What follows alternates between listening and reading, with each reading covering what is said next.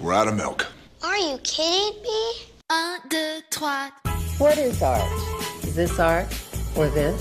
I've been accused of being pretentious my whole life, rightfully so. I always encourage young people to be pretentious. Norway. Fish fingers no Findus Norway. We know a certain fjord in Norway. In order to be a great artist, you simply have to be a great artist. There's nothing to learn.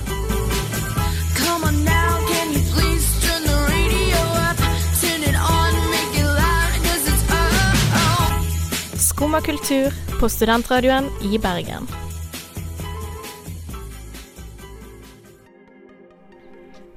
Det er en ny veke og en ny mandag. Og det betyr en ny utgave av Skumma kultur. Denne veka later vi som vi er et spillprogram, og vi lurer bl.a. på dette. Er spill kunst? Hvilken muligheter har spill til å fortelle en historie som film ikke har? Og kan et lavt budsjett gjøre det mer kreativt? Straks skal vi få høre et intervju med en av skaperne av spillet Owlboy. Det var utrolig rart å se at folk, folk eh, hadde lyst til å satse på spill som en jobb. Og det var da jeg òg merket at det finnes sånne folk i byen. Men først skal vi få høre en sang, nemlig Easy on the Eye med Mats Wawa. Du hører på Skumma kultur på studentradioen i Bergen. Randi og Oskar tok en prat med Jo Remi Madsen, en av skaperne av spillet Allboy. Han hadde en del å si om hvordan en historie utvikla seg når den ble gjort om til et spill. Etter ti år i utvikling ble plattformspillet Owlboy i fjor gitt ut av Dpad Studio, et spillskaperstudio med base på Askøy. Spillet har fått både priser og ros for sin gjennomførte historie og kunststil, som viser flotte dynamiske landskap i pixel art-stil. Sånn angående pixel art, kan du, kan du først uh, fortelle sånn helt kort hva det er? Ja, uh, det vil jo si at man man jobber med et bilde helt ned til de finere detaljene, da. A alle bilder eller fotografier består av piksler, sånn egentlig. Um, hvis man zoomer helt, helt inn, så kan man se at det er bare én og én farge i sånn dot-format som er klistret sammen til et stort bilde, sant. Og det er det som egentlig er pixel art. Når uh, Simon begynte på det, så var han jo inspirert av mange, mange spill som han hadde spilt når han var yngre. Super Mario, um, Megaman, Zelda-spill og sånt, som brukte pixel art. Og som mange mente at var en utdatert eh, kunststil, da. Eh, men det mente ikke Simon. Han mente at det her kan kan bringes inn i den nye generasjonen. Til og med nå på PlayStation 4 og den nye Nintendoen og Xbox og sånt. Så skulle spillet kunne se bra ut uansett om vi brukte pixel art eller ikke. Og det er jo faktisk kunsten vi får mest uh, god kritikk for, da. Det er jo uh, det, det, det, første folk ser når de ser et spill, sant. Men, men i vårt tilfelle så ser de ser de fargene, rett og slett. Og det, har, det er det, Simon har fokusert veldig mye um, Så når han har jobbet med det, så begynte han først å jobbe i noe som heter MS Paint. Og det er jo et program som kom installert med alle PC-er helt fra starten av Windows. Hvor folk kunne gå inn og tegne litt for seg sjøl og ja, bruke sånn bøtte til å fylle ut med farger og sånt. Det er vel det maleprogrammet alle kjenner Ja, mer eller mindre, sant. Um, og det lagde han grafikken til Albo i. Uh, helt til han hoppet over på Photoshop. Jeg tror han gjorde det etter noen år. Um, og uh, det var jo uh, Når jeg så det, det var da jeg ble litt sånn Jeg falt litt for pladask for det, da. Fordi jeg hadde egentlig tenkt å jobbe i en, den større spillindustrien. Fokusere på 3D og sånt. Men når jeg så den stilen til Simon, da, da bestemte meg bare for at dette her må jeg jobbe på. Mm. Var den visuelle stilen klar før på måte før alt det andre? Var det, var det det visuelle som på en måte starta prosjektet? Uh, nei. Uh, det var vel konseptet som startet det. Uh, og det dukket opp når Simon spilte et av Super Mario-spillene hvor man rett og slett kan fly en liten distanse. da. Man får en sånn uh, vaskebjørnkostyme, og Ja. så kan man, eh, kan man eh, trykke på en knapp for å liksom, ja, flakse. Uh, og det vil rett og slett Simon bruke i spillet sitt. Uh, på det tidspunktet så visste han ikke at det skulle være en ugle. Da Han eksperimenterte litt med en rev med en sånn jetpack på seg. Eh, en, en liten jente med sånn Ja eh, Sånn fletter som hun kunne bruke som et helikopter. eh, og ja Et insekt uh, som kunne fly skikkelig fort, da. Men, uh, men han endte opp med en ugle etter at kona hans foreslo det. Og det forandret alt. Da hadde han laget karakterene i løpet av en kveld. Uh, Det blir jo lettere å sette opp en story og et um, hi historisk eh, konsept eh, når du har karakterene til grunne. da. Ja. du har uglene og med det samme, og det, Mm. plut det plutselig fikk det et fokus som som eh, som man kunne jobbe ut ifra, da. Mm. Uh, og ja, mer eller mindre hele spillet ble planlagt da. Det er jo selvfølgelig mye som har forandret seg etter at vi har jobbet med det en stund, men, men der og da så visste han hva det skulle handle om, da. Um, så da var det veldig lett å pitche det til, til folk for å være med og jobbe på det. Og med en gang man har en sånn solid solid uh, kjerne, så er det veldig enkelt å involvere flere på ideen. da. Mm. Uh, den her pikselkunsten Jeg så at du hadde nevnt et sted at dere hadde tenkt at det her skulle eh, få tilbake uh, pixelbaserte spill. Mm. Uh, men så i, de, i løpet av det her tiåret det tok, da, så har det jo kommet ut andre pixelspill. Ja. Og var det litt sånn Var det skuffelse, eller var det litt sånn lettelse over at da er det et marked dere kan skli inn i? Ja, det var lettelse. For min del var det det. Fordi uh, vi så det at uh, spill som brukte den stilen der, de solgte. Så, og jeg er jo den som driver med business-siden for det meste. Og for meg så var det da plutselig enkelt å, å selge spillet til folk. Um, vi stakk til uh, Filmfondet blant annet, og der fikk vi jo uh, støtte til utvikling av spillet. Og vi har jo vært på Vi har jo møtt flere som har liksom backet oss opp. da Innovasjon Norge, blant annet. Der fikk vi jo en halv million kroner for å, for å promotere spill. Sant? Så det viser jo seg det at uh, med en gang man har litt sånn harde tall på at eh, På at noe kan selge, da får man mye mer støtte òg, ikke sant. Så jeg er, bla, jeg er skikkelig glad for at det ble bevist før vi trengte å gjøre det.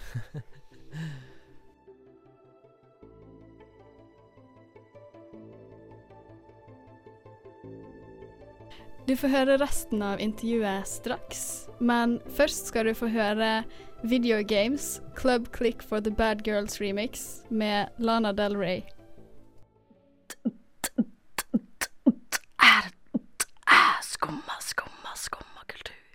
Vi fortsetter Randi og Oskar sin prat med Jo Remi Madsen, en av skaperne bak spillet Allboy.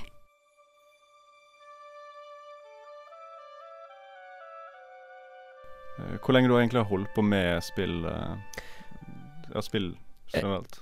Jeg begynte når jeg var seks år gammel. Eh, da kjøpte pappa og mamma til meg eh, en Nintendo eh, fra en, en kompis.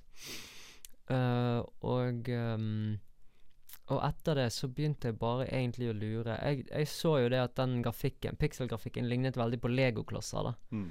Så jeg begynte å lage figurer i Lego og ja, lage litt sånn forskjellige stop motion-filmer, da.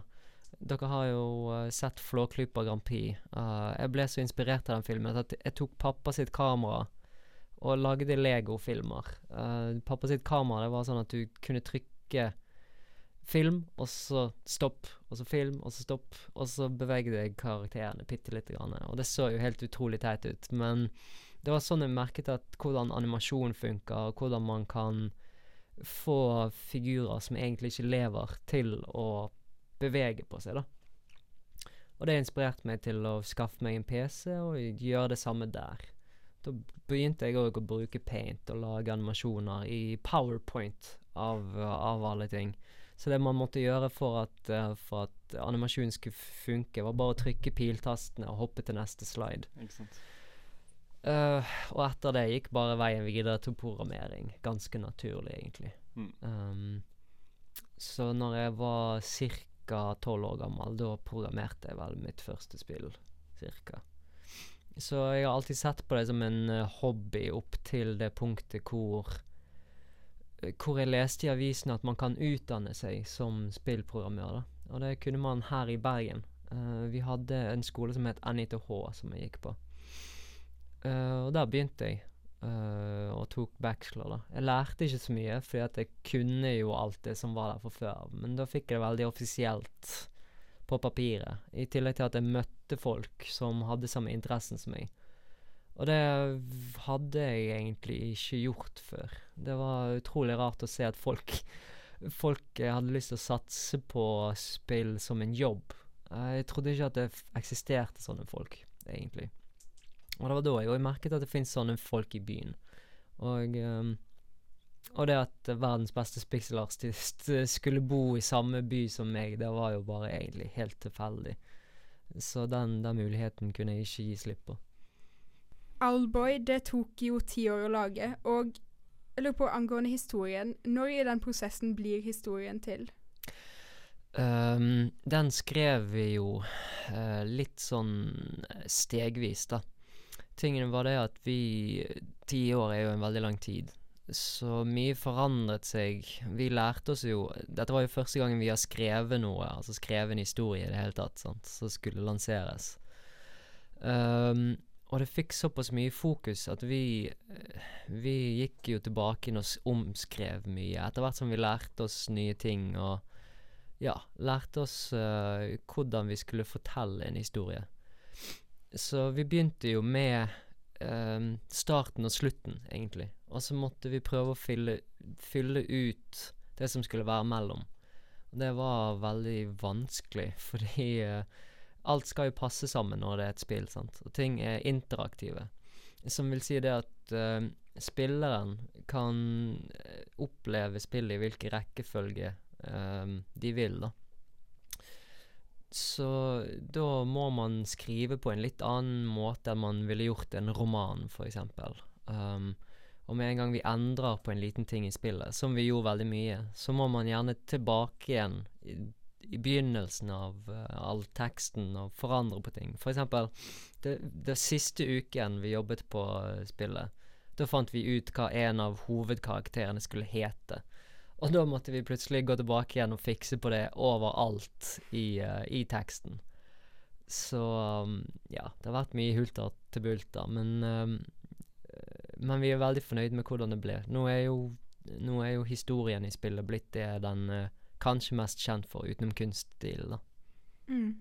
Ja, det er en veldig flott historie. Og jeg, jeg bare ser for meg at det var veldig vanskelig å ta det steget og forandre noe når man vet at hver eneste lærling er blitt programmert, Mm. osv. videre Ja. Uh, mange ting eh, forandret seg jo, eh, både eh, i livene våre òg. Eh, Som òg ledet til at uh, historien forandret seg, fordi vi skrev veldig personlig.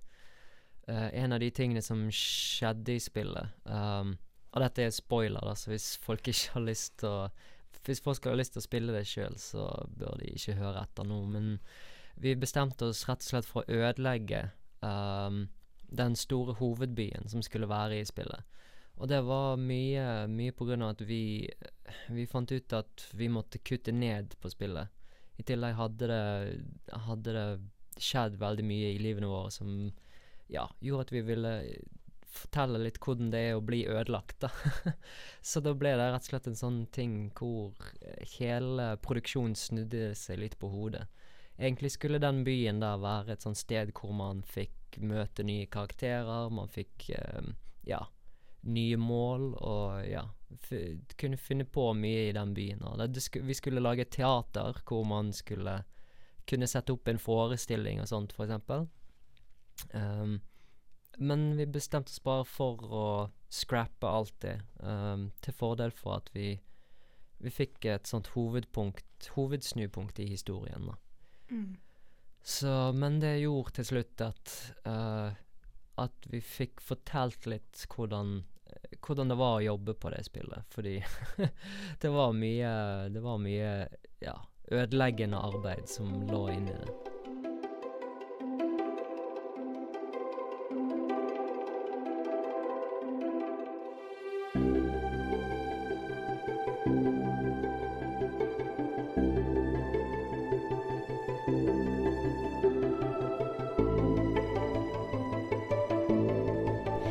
Til Jo Remi Madsen for hans eh, prat om Owlboy. Nå skal vi videre i sendinga, og spill blir ikke alltid ansett som en like høy kunstform, til tross for arbeidet som ligger bak. Og vi skal snakke litt om hva vi tror er årsaken til det straks. Først får vi en ny sang, nemlig 'Dimple' av BTS. Du hører på Skumma kultur på studentradioen i Bergen. Yes, I'm gonna walk all that milky white way. Oh Lord, some of these days. Roger Ebert skrev en artikkel der han eh, snakka om hvordan videospill aldri kan være kunst. Det han sa, var blant annet dette. No video gamer now living will survive long enough to experience the medium as an art form. Roddy, er du enig i dette? Nei, altså Kanskje ikke han gjorde det, men det betyr ikke at ingen gamere vil overleve til å se det. Uh, det høres kanskje litt frekt ut, men jeg føler at det er så rart at han som på en måte er kjent med en litt sånn rasjonell mediestemme, at han plutselig har så ekstreme syn på dataspill, at han plutselig gir en sånn absolutt eh, At han har et så absolutt syn på det. For Ja. han nevnte òg i det eh, intervjuet at han at han ha, ha- ble ofte bedt om å spille det og det spillet for å liksom motbevise at, uh, at det ikke kunne være kunst, men at han ikke gjorde det. Så det at han på en måte ikke engang prøvde før han sa at nei, det er ikke en kunstform, det syns jeg er ganske litt teit av en mann som egentlig virker ganske grei og rasjonell ellers. Men du kan du se tilbake på uh, før 1800-tallet, så var jo romanene en veldig sånn vulgær kunstform. Ingen trodde jo at romaner skulle ta over. Og jeg føler at vi er på en måte kanskje i den uh, delen av spillverden nå, der spill kanskje får sitt gjennomslag som kunstform, sånn som romanene i 18, på 1800-tallet. Det er et veldig godt poeng. Og det er jo det er tydeligvis Kanskje, det, kanskje han er, Roger Ebert har begynt å bli litt gammel i jobben. Fordi jeg føler at liksom Han er jo ekspert på film og ikke på spill, så kanskje han ikke greier å se de nye mediene og hvordan de formidler den historien de faktisk har å si. Og det å spille er jo veldig flink innad til å sette pris på kunstneriske grep som de gir hverandre, sånn som Owlboy. Vi snakka med ska en av skaperne tidligere, og de har jo vunnet priser innad i bransjen for hvor utrolig flott kunsten deres er, hvor flinke de er til å fortelle historier. Så det, det er veldig trist at, ikke, at det er så mange på utsida som på en måte nekter å gi de den uh, kunstneriske kreden de fortjener. Men jeg tror det er veldig mye fra vår foreldregenerasjon som er kjent med de spillene som først kom, de første 2D-spillene eh, til Noten- Nintendo. Eh, Der det var bare sånn som Mario, der du skulle bare hoppe over ting og, og eh, drepe sopper. Og så har de på en måte ikke fått med seg denne endringa i spillkulturen, der det har blitt en større kultur for å fortelle dypere historier som du kanskje ville ha sett på film og bøker eh, tidligere. Mm. Men til og med, til og med sånne 2D-spill så til og med de enkleste 2D-spillene syns jeg på en måte det er frekt å på en måte avfeie det. Fordi at hver gang det er en ny kunstform, så må det eksperimenteres først. Det må være enkelt. Så på en måte å si å, det her er ikke da Vinci ennå. Det er litt uh, dårlig gjort å holde nye kunstformer spesifikt spilt til den standarden. Det er helt sant. Jeg husker når jeg spilte uh, sjøl et spill som heter Life is Strange, og jeg følte at den historien som det spillet fortalte, den kunne på en måte ikke bli fortalt på en annen måte heller, fordi at en del av spillmekanikken og måten du spiller spillet på, det eh, var med på å formidle en slags stemning og eh, de temaene som de tok opp i eh, det spillet, som det er vanskelig å forestille seg hvordan det kunne bli gjort på en annen måte, og liksom jeg følte at jeg var inne i historien. Ja, det var jo det samme når dette The Last of Us-spillet kom ut. Da snakka jo folk om at eh, spill møter film. Fordi at eh, det, du kunne immerse deg sjøl så mye mer i historien når du fikk føle på frustrasjonen av det å måtte overleve og, og være i en verden som vi, vi kanskje bare har vært tilskuere til tidligere. da. og på en måte få føle på det å være i disse postapokalyptiske verdenene eller lignende. Randi, du hadde jo noen teorier om hvorfor spill Ja, eller det er jo sikkert et stort eh, Det er sikkert veldig mange grunner, men en av, en av teoriene jeg har, er at det er så mange som skal til for å lage et spill. Og at det derfor ikke blir noen sånn tydelig autør som man kan si 'Å, her er kunstneren bak spillet'. Og jeg tror det er litt samme måten som at store actionfilmer gjerne ikke blir Eller de blir gjerne sett ned på i kunstverden. Og det er egentlig fordi at det krever så utrolig masse, mange folk som må samarbeide for å lage en svær scene og spesialeffekter osv. Og, så og derfor sier de at å ja, da mister de sitt kunstneriske grep. Men det er litt trist at det er på en måte det at folk klarer å samarbeide om et verk, skal liksom gjøre at verket blir sett ned på. Men det har vel kanskje ofte vært sånn i de store blockbuster-spillene at uh, målet er jo det å tjene penger i mange av dem. Når du ser på disse skytespillene som Call of Duty og Battlefield og som virkelig Og Fifa, som ikke er skytespill, som er sportsspill. Og de som på en måte virkelig skal prøve å treffe et stort publikum, de er jo ofte laga av et stort eh, team med folk som vil tjene penger. Og de, de spillene som har eh, små grupper og eh, gjerne veldig eh, engasjerte skapere, de blir på en måte tatt under samme kammen. Veldig Mm. lett. Jeg synes til og med noen av, mange av de her store spillene Man kan se at det her er det noen som har lagt kjærlighet inn i f.eks. historiene Mm. og sånt. Og sånn Men det at det er sikkert er så mange, er sikkert òg vanskelig. Så, så I uh, det første Batman Arkham-spillet Mm. så var det en fyr som jobba to år på å kappe fysikken til Batman. Det er trist at han liksom OK, du jobber ikke på et kunstverk. Nei, ikke sant. Det kan være at det har noe å si. Det gir jo mening. Altså, som du sier, at kanskje man har fordommer mot at når det er mange folk som lager det samme verket, at det kanskje Det kan bli dårlig, men det kan òg bli veldig bra. Og i et spill så kan man ikke si at nødvendigvis det er én person som står bak. Vi skal straks hoppe videre i sendinga, fordi du Randi, du studerer jo digital kultur, så du har jo litt autoritet på området om spill. Jeg hadde ett fag som, der en tredjedel av faget handler om spill, så jeg er stort sett en ekspert, ja. Ja, eh, I våre sirkler så blir du regnet som en ekspert. Vi har hørt litt om hvilke historiefortellingsgrep spill har, som ikke tradisjonelle medier klarer. Men klarer alltid spill å bruke disse grepene på en god måte? Eh, hva tenker du, Oskar? Det er jo, um, det er blitt en veldig sånn trend i uh, det å lage spill nå der du skal valgene dine skal ha mye å si. Uh, og jeg føler at det er flere og flere spill som implementerer det i, i fortellingsstrukturen sin. Da, der det kanskje ikke alltid burde ha vært sånn. Um, det er blitt mer en populær, en populær ting istedenfor en fungerende ting i noen tilfeller.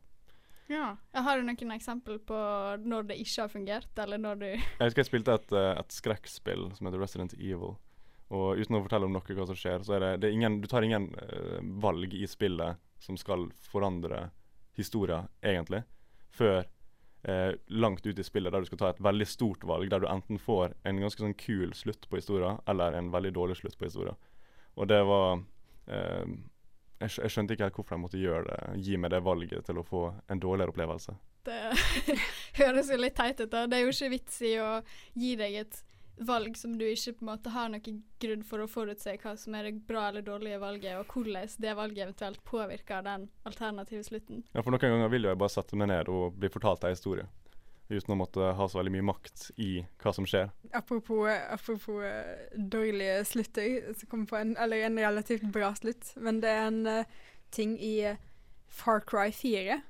Så er det helt i begynnelsen, så møter du hovedantagonisten.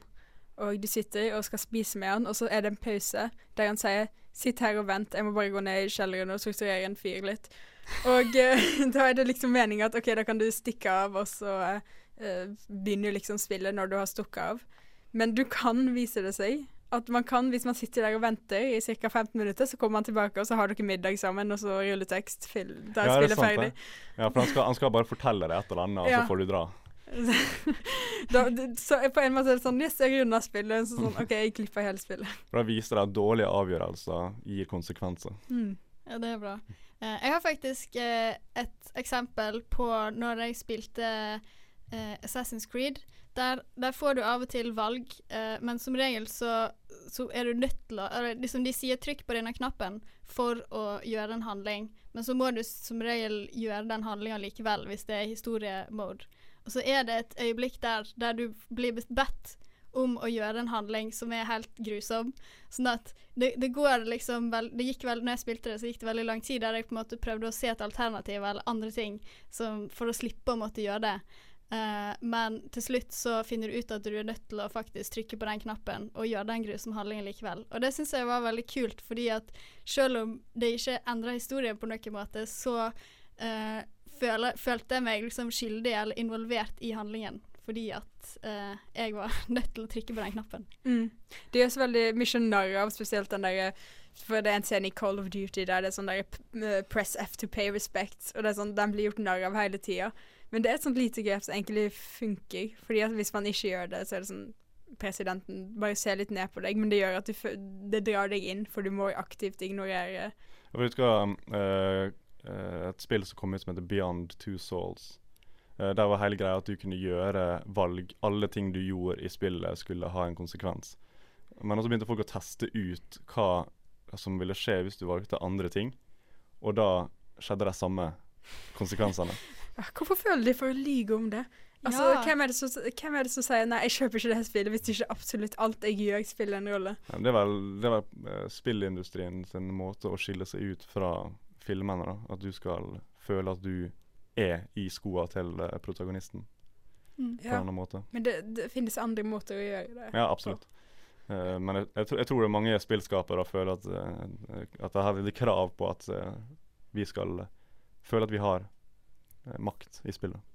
Ja, Jeg syns at det har, uansett hva de reelle konsekvensene av valgene våre er, så kan det, hvis det blir brukt eh, riktig, gjøre en kul effekt. Jeg har jo et annet eksempel på et spill der du faktisk Altså der de, du får inntrykk av at du kan endre på historien ved hjelp av ulike valg underveis, og at ting eh, endrer seg. Eh, altså at et valg tidlig i spillet kan påvirke seint i spillet. Men det som er irriterende Jeg nevner ikke navnet på dette spillet fordi at jeg skal snakke litt om slutten, uh, som er at uansett hva slags valg du gjør underveis i hele spillet, så, du, så får du de samme to alternativene til slutt på Mm. spillet. Og det er jo Du føler jo litt snytt, da. Ja, det går helt mot sin hensikt. Det, det er ingen grunn for at det skal være sånn. Men eh, ja, det, det ville vært sånn som Det her er jo ikke en ny teknologi på den måten. I bøker, gamle bøker har jo òg hatt sånn der Hvis du velger det, gå til den sida. Hvis du velger det, gå til den sida. Se for deg at det er sånn Hvis du vil redde den personen, gå til side 238. Hvis du vil redde den personen, gå til side 238. Det er Mm. sånn tilsvarende det Ja, det spillet. det blir for det, det er sånn. akkurat det samme. Ja, for jeg husker når jeg skulle lese de gamle Goosebumps-bøkene da jeg var yngre, så var det, da var det virkelig valget hadde noe å si. da. Jeg husker jeg måtte alltid bla tilbake igjen, for jeg tok alltid feil valg. Jeg hadde lest fire sider inn i boka, og så døde hovedkarakteren. Sånn Nei, jeg holdt, jeg holdt fingeren min på sida. Jeg kan gå Ja, tilbake. ikke sant. Det var alltid å ha fingeren eh, på store valg, slik at du ikke skulle gå glipp av 300 sider av boka, liksom. Det er veldig sant. Og det var, det var tider Jeg syns de bøkene var kjempegode.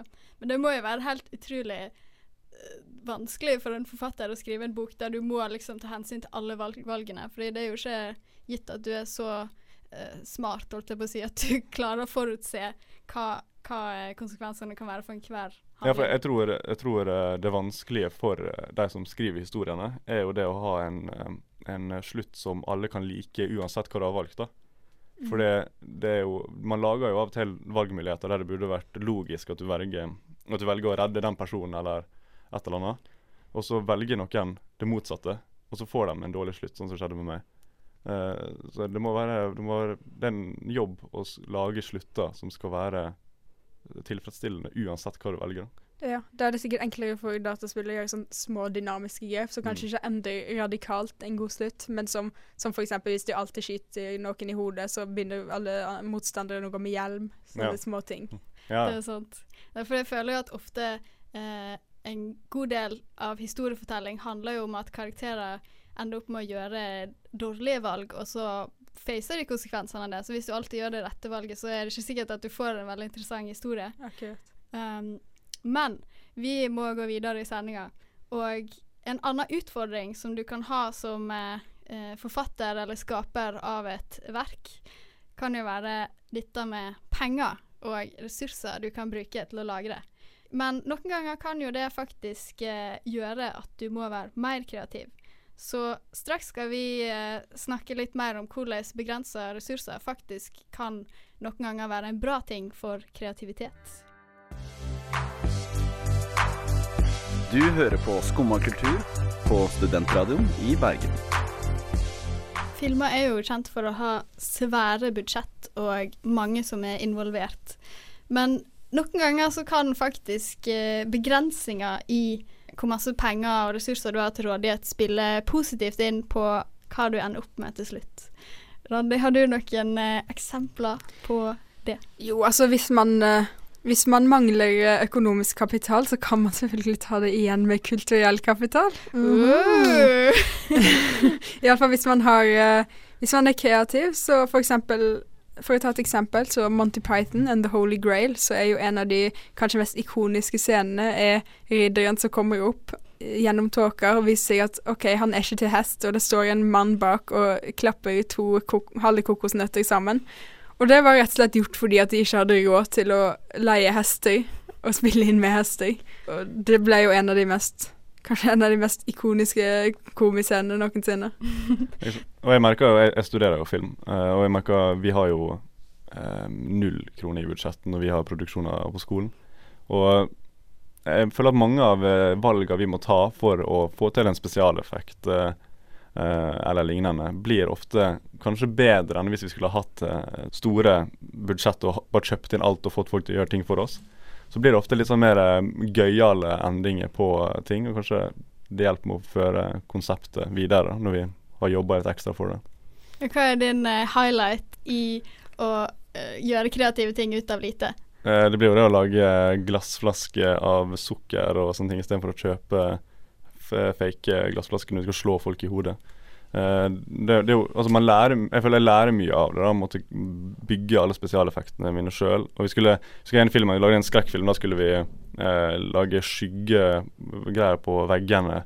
Eh, skulle ha et spøke eller så komme inn i et rom så det var skyggearmer på veggene som skulle komme etter eh, karakteren. Og det jobba vi veldig lenge med til å få til. Vi kunne, hvis vi hadde hatt stort budsjett, så kunne vi ha fått noen til å hjelpe oss med å redigere det etterpå. Men da sto vi med masse lamper og eh, green screen og mye sånn for å få, det til å bli det til å bli bra. Da. Og det var, vi lærte jo veldig mye av det. Og jeg tror mange spillskapere i dag, eh, unge eh, selskap, eh, lærer veldig mange nye teknikker historiefortellingsmessig og eh, spillfunksjonsmessig når de må teste ut ting på andre måter. Da. Det finnes jo òg sånne små samfunn med forfattere og sånn, som de, gjør- med vilje, sånn at de har veldig få OK, for eksempel at vi, de setter opp et system med en viss rekke bokstaver, og hver, hver setning må begynne med denne bokstaven. Og så skriver de på denne måten med sånne sperrer, fordi at de føler at kreativiteten faktisk kommer i gang når de får sånne sperrer, istedenfor at de bare har alle mulighetene i hele verden. Det er sant. Det er jo et interessant ting, syns jeg, hvis vi går over til uh, filmverden, så er det jo ofte at jo større budsjettet, jo flere produsenter og sånn markedsføringsfolk er det som har et ord å si om hva du bør ha for å kunne tjene inn igjen alle Ja. pengene du har Jo mer penger du bruker, jo mer penger må du tjene. Ikke sant? Mm. Så da må man ha en ganske Man må ha en god plan. Og det er jo det man ser i filmer sånn som uh, den nye Star Wars-filmen og Marvel-filmene. Egentlig generelt Disney, da. Fordi at de, har, de legger inn så mye penger i prosjektene sine nå at de må tjene mye penger tilbake igjen. Så det er et stort board meeting med folk som bestemmer historier og bestemmer hvordan ting skal gjøres. Og jeg tror det er derfor folk kanskje er misfornøyde. For du får ikke den kreativiteten som uh, en liten gruppe ville ha hatt. Du har jo et ett eh, filmselskap som går litt mot strømmen der, nemlig Bloomhouse Productions. Fordi uh, de har jo fått en rekke filmer som har gjort det veldig bra på box office, men de har kosta ekstremt lite. For eksempel har jo du Paranormal Activity, som kosta 11 000 dollar å lage, og tjente inn nesten 200 millioner Mm. dollar. Det er ikke litt ganske lurt uh, triks som man ser spesielt innen skrekkfilm, da, at uh, man på en måte bare pumper ut veldig billige filmer i håp om at en av de er en kjempehit, og da tjener man inn nok til de neste 20 filmene sine, selv om man ikke har en hit etter det. Ja, det er sant. Det er jo ikke alle de filmene som er like gode. Men eksempel, det er jo det samme produksjonsselskapet som lagde Get Out, som ble ekstremt kritikerost, og, og hadde et forholdsvis lite budsjett i forhold til det den tjente inn. Og det jeg syns er interessant å tenke på, er at en, en film med et sånt tema om, eh, Altså en skrekkfilm som er basert rundt en svart mann som blir skremt av hvite folk. Det er ikke sikkert at et stort studio hadde vært villig til å satse på det. Nei, det er akkurat det. Når man ikke har så mye å tape, så har man kanskje mer å vinne. Nei. I de, I de klassiske uh, skrekkfilmene hadde vel han vært den første som døde, hadde han ikke? Jo. så hvis jeg husker skrekkfilmene rett. Ja, det er jo eh, zombiefilm 101, det. Ja, det er alltid, alltid den svarte som dør. Nei, uff. Det var alt vi rakk denne veka på Skumma kultur. Vi har vært Randi Hegernes Eilertsen. Oskar Fuglesnes. og meg, Åshild Enstad. Vi må takke vår produsent Guro Vågan, og så må vi takke vår gjest Jo Remi Madsen. Så da gjenstår det bare å si én ting. Ha det bra!